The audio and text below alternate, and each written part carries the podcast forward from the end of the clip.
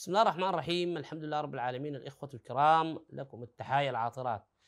لا زلنا نتواصل في هذا الباب مفهوم روايات السنة والسلطة التشريعية لروايات السنة النبوية.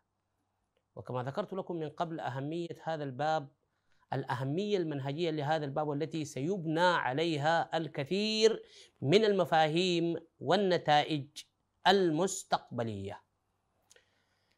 في هذه الحلقة إن شاء الله سنتحدث عن علاقة روايات السنة بين مفهوم الدستور وبين مفهوم القانون.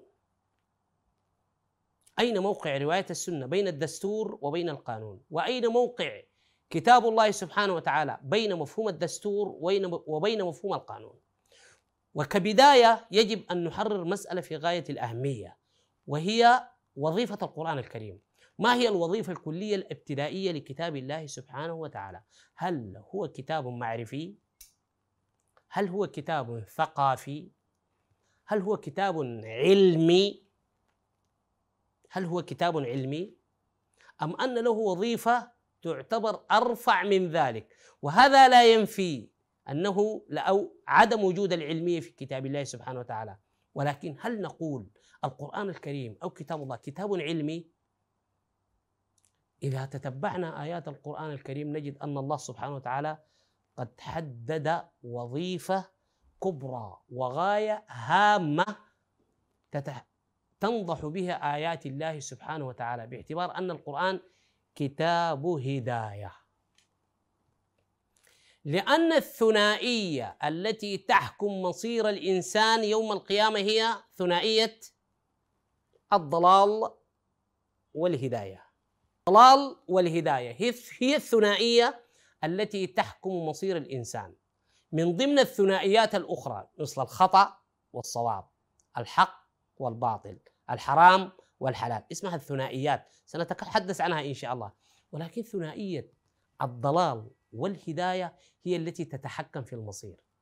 من يضلل الله فما له من هاد ومن يضلل فلن تجد له وليا مرشدا. إذا القرآن كتاب هداية ونرى من أول سورة البقرة. ذلك الكتاب لا ريب فيه هدى للمتقين. وفي سورة البقرة شهر رمضان الذي أنزل فيه القرآن هدى للناس. قوله تعالى أيضا إن هذا القرآن انظروا التوكيد إن هذا القرآن يهدي للتي هي أقوم. وكذلك أوحينا إليك روحا من أمرنا. ما كنت تدري ما الكتاب ولا الإيمان ولكن جعلناه نورا نهدي به من نشاء. فإما يأتينكم مني هدى فمن تبع هدايا فلا خوف عليهم ولا هم يحزنون في سورة البقرة. وفي سورة طه فإما يأتينكم مني هدى فمن اتبع هدايا. انظروا إلى التشديد إضافة الجهد.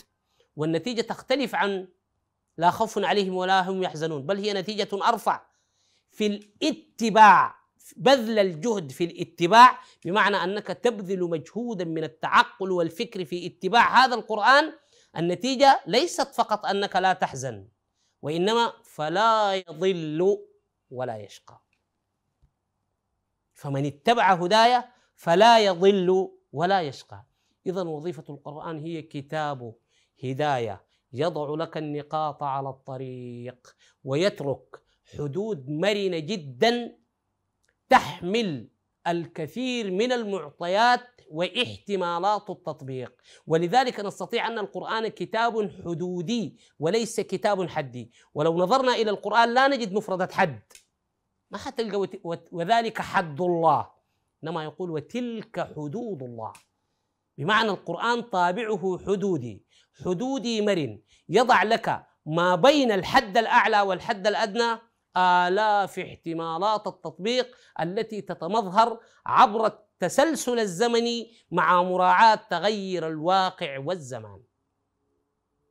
القرآن كتاب هداية، إذا هو الهادي لصياغة دستور الأمة الإسلامية. هذا هو القرآن. والسنة السنة هي التفصيلات التفصيلات القانونية تحت مظلة الدستور. ونحن نعلم أن التفصيلات القانونية يمكن أن تخضع للتغيير المستمر عبر الزمن. الدستور ممكن يصمد 300 سنة. يعني على سبيل المثال دستور الولايات المتحدة له أكثر من 300 سنة وممكن يصمد الدستور 500 سنة. هذا هو الدستور البشري. أما التفصيلات القانونية المنظمة لحياة المجتمع والتي تنضوي تحت الدستور يمكن أن تتغير كل خمسة سنة. يعني قبل 100 سنة من تاريخ هذه اللحظة ليس هنالك قانون للسير والمرور في جمهورية السودان. اطلاقا لأنه ما كان في سيارة أصلا. الآن إذا أتينا بكتاب قوانين المرور والسير قد قد يكون كتاب ضخم. قبل 100 سنة ما كان فيه. التفصيلات القانونية هي التي تتغير. هي التي تتبدل. لأنها تخضع لتغير الواقع الزماني والمكاني. بينما المسودات الدستورية وهي التي توضع فيها القضايا الكبيرة المتعلقة بهوية البلد، المتعلقة بديانة البلد، المتعلقة بالتعايش السلمي أما التفصيلات القانونية قانون الأحوال الشخصية، القانون الجنائي، قانون السير، قانون المرور، قانون الأراضي هي التي تخضع للتغيير المستمر. السؤال هذا ما نعتقده أن الروايات النبوية أي ما صدر عن النبي في ذلك الزمن من تفصيلات هي مسودات قانونية لتنظم حياة الناس في العقوبات في الأحكام الجنائية في أحكام السلب والحرب في قوانين الأحوال الشخصية من طلاق ونكاح وزواج وغيره. هذا هو الصحيح. لكن أين المشكلة؟ المشكلة أن العلماء السابقون قد رفعوا هذه التفصيلات النبوية اعتقادا منهم أن النبي قد أفرغ النص القرآني في تطبيقاته. فرفعوا هذه التطبيقات إلى مرتبة الدستور وجعلوها دستورا مستمرا إلى قيام الساعة جعلوها هي دستورا إلى قيام الساعة وبالتالي أفرغ القرآن من محتواه وركل جانبا لا يتم الاحتياج إليه إلا في الصلاة والرقية الشرعية وافتتاح الحفلات. اذا هنالك انقلاب كامل في المفاهيم.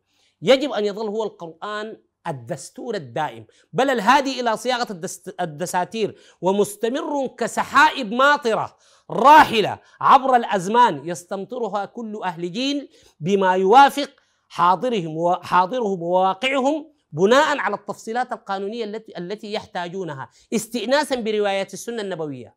ولكن لا يمكن أن ترفع الروايات السنة إلى مظلة الدستور.